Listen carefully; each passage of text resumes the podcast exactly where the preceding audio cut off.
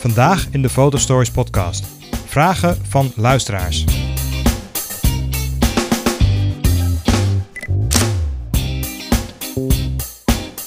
Het is 31 juli 2018 en dit is Fotostories, de eerste Nederlandse podcast over fotografie. Ik ben Gijs de Koning en dit is aflevering 7 met erin dit keer geen camera nieuws, maar uitsluitend vragen van luisteraars. En als je deze podcast voor het eerst hoort, welkom en luister vooral ook de vorige afleveringen terug met daarin ook veel interessante informatie over van alles op het gebied van fotografie, uh, camera nieuws, nog steeds relevant, dus luister ze terug. En als je nou denkt, deze podcast is ook interessant voor andere fotografen, vertel het door en geef een goede rating, bijvoorbeeld op iTunes. Uh, daar kan je ook een reactie achterlaten. Daarmee wordt de podcast beter gevonden en kunnen ook andere fotografen of gewoon geïnteresseerden luisteren naar deze podcast. Goed, we gaan beginnen met de vragen. En de eerste vraag komt van Esme, die ook al in een van de eerdere afleveringen een bijdrage heeft gegeven. En zij wil weten: is het nou verstandig om te investeren in een goede camerabody of eerst in goede lenzen? En daar is een leuk gezegde over. Dat gezegde gaat als volgt: je gaat op date met je camerabodies, maar je trouwt met je lenzen.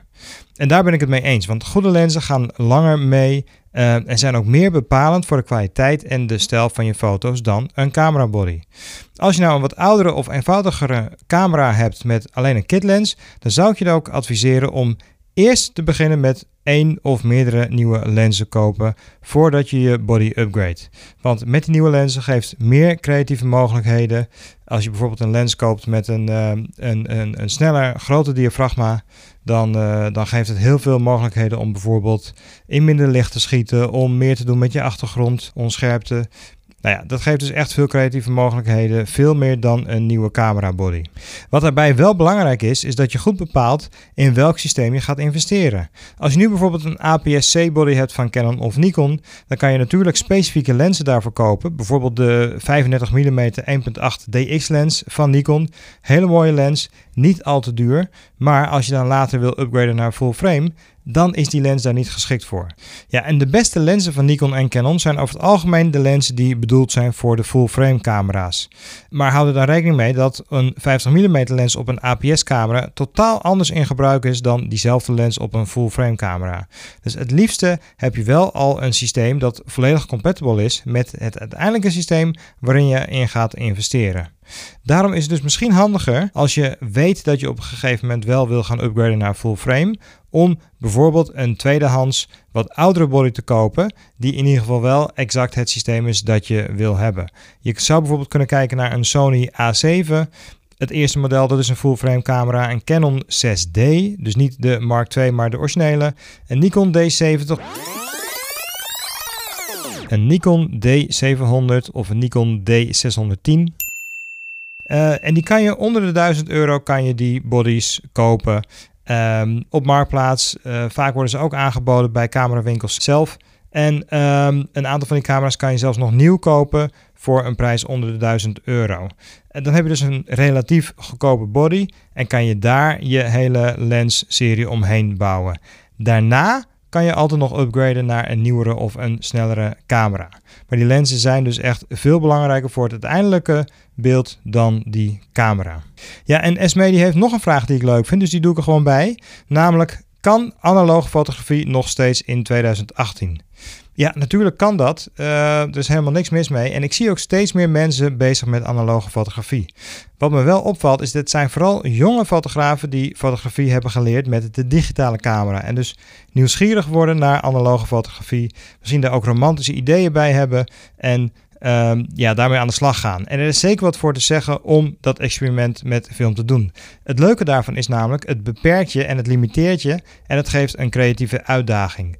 Uh, wat zijn die beperkingen? Je hebt een vaste ISO-waarde. Je kan maar 24 of 36 foto's maken.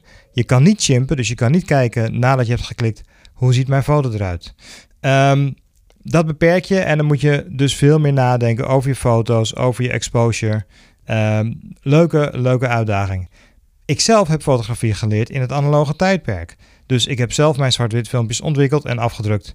En hoe romantisch het idee ook is om nog één keer die doka in te gaan, die hele workflow vind ik erg tijdrovend. Uh, je werkt met chemicaliën, je hebt er veel ruimte voor nodig, een speciale ruimte ook. En de uiteindelijke kwaliteit is niet per se beter of mooier dan digitale fotografie. Als je kijkt naar kleur, als je kijkt naar, naar korrel, wat we tegenwoordig uh, grain, wat we tegenwoordig noise noemen eigenlijk moet ik zeggen. Um, ja, vroeger was dat, was dat uh, grain, was het korrel. Uh, dat is ook allemaal digitaal wel te realiseren. En ook die kleuren. Dus ja, in mijn optiek, een, uiteindelijk een, een goede analoge foto is niet beter of slechter dan een digitale foto. Het kost alleen veel meer werk om te realiseren. Dus puur om artistieke redenen voor het uiteindelijke resultaat zeg ik nee, analoge fotografie is absoluut niet nodig. Um, biedt niks extra's. Maar als creatieve uitdaging voor jezelf en als hobby zou ik zeggen, lekker doen. Het leuke is ook, ga naar een rommelmarkt, zoek die oude analoge camera's. Um, weet wat je zoekt. Sommige camera's zijn niks waard en heb je ook niks aan. Andere camera's zijn, zijn best wel wat waard en zijn echt leuk om mee te werken. Belangrijkste als je zo'n camera koopt, is vooral is die camera nog lichtdicht. Dat klinkt heel raar, maar als je een fotorolletje in een analoge camera doet, uh, dan moet die camera goed zijn afgesloten zodat er geen licht bij komt. Uh, dus moet je kijken naar de afsluiting van het klepje waar je het filmpje onder doet. Die moet goed dicht zijn, anders dan verpest je je rolletje als je met je camera naar buiten loopt. Nou, daar moet je op letten. Voor de rest zou ik zeggen, lekker doen. Ik zelf slaat over. Ik heb nog wel een zwart-wit rolletje hier ergens liggen en een analoge camera. Die ga ik vol schieten en dan zal ik misschien nog een keertje een rolletje in doen.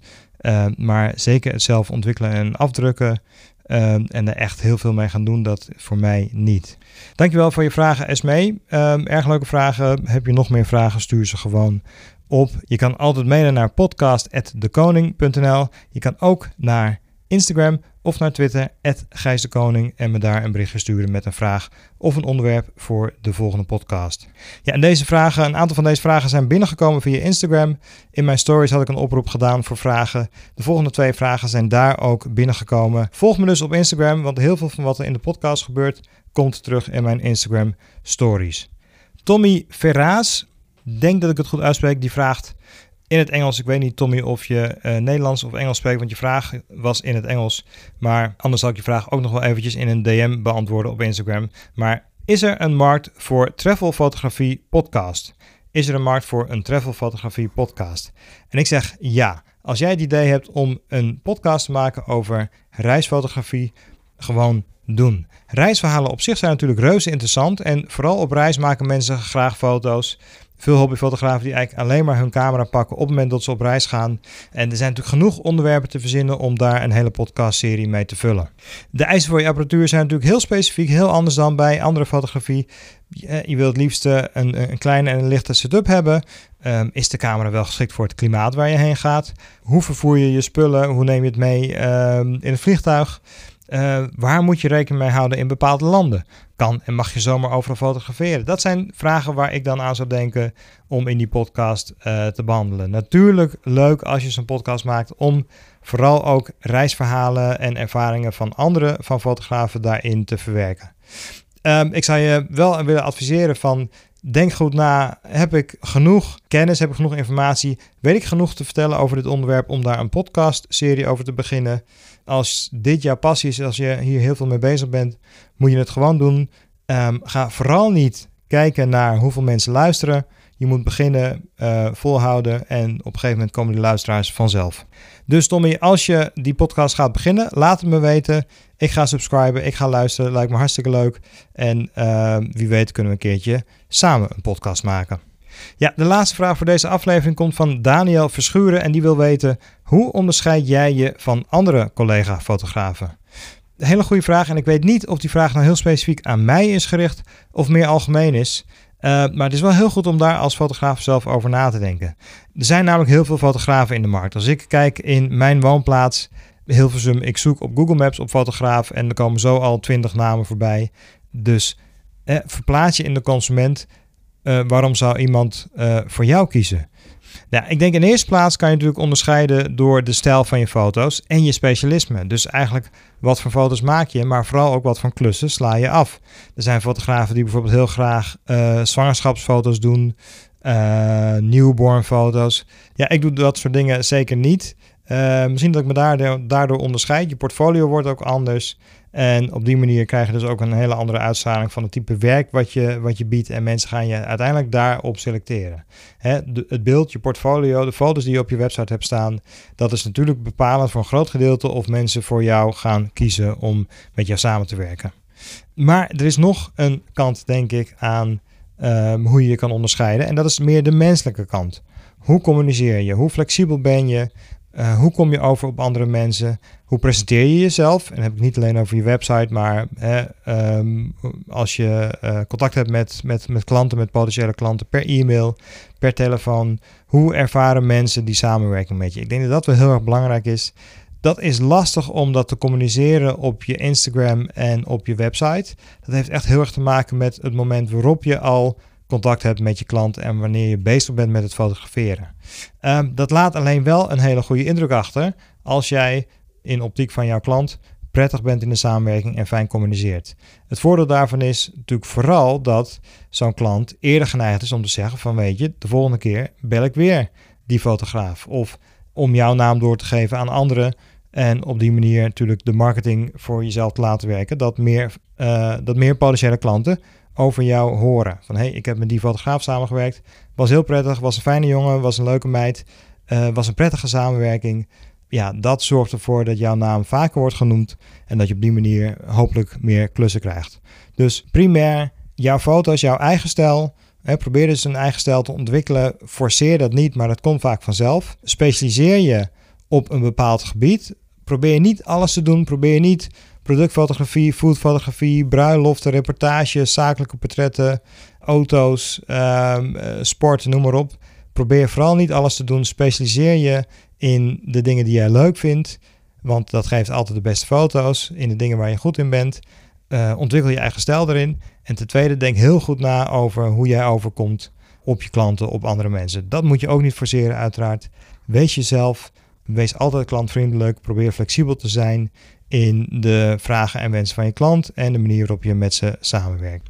Ja, dat waren vier hartstikke leuke vragen.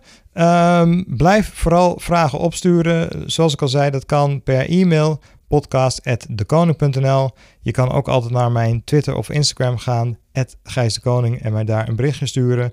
Je mag me opzoeken op Facebook facebook.com slash Gijs Koning. En daar kan je mij ook een berichtje sturen. Um, en dan kan ik die vraag volgende keer in de podcast behandelen. Hopelijk is er volgende keer ook weer wat nieuws te melden. Is niet zo heel veel gebeurd, moet ik zeggen. Een nieuwe compactcamera van Canon met wederom weer een enorme zoomlens. Volgens mij 24 tot 960 mm zoomlens. Dat is leuk, misschien kan ik daar volgende week iets over vertellen. Maar geen groot nieuws nog te melden op het gebied van spiegelreflexcamera's of lenzen. We wachten natuurlijk allemaal op de nieuwe Nikon. Um, in de vorige podcast heb ik het daarover gehad. 23 augustus is de officiële bekendmaking door Nikon van de nieuwe camera. Ik ben heel erg nieuwsgierig. Voor dit was dit deze aflevering, de podcast van 31 juli 2018. Dit was aflevering 7. Bedankt voor het luisteren. Heb jij een vraag die jij in de volgende podcast beantwoord wil hebben? Stuur dan een e-mail of een audiobericht naar podcast.dekoning.nl en volg Gijs de Koning op Instagram en Twitter.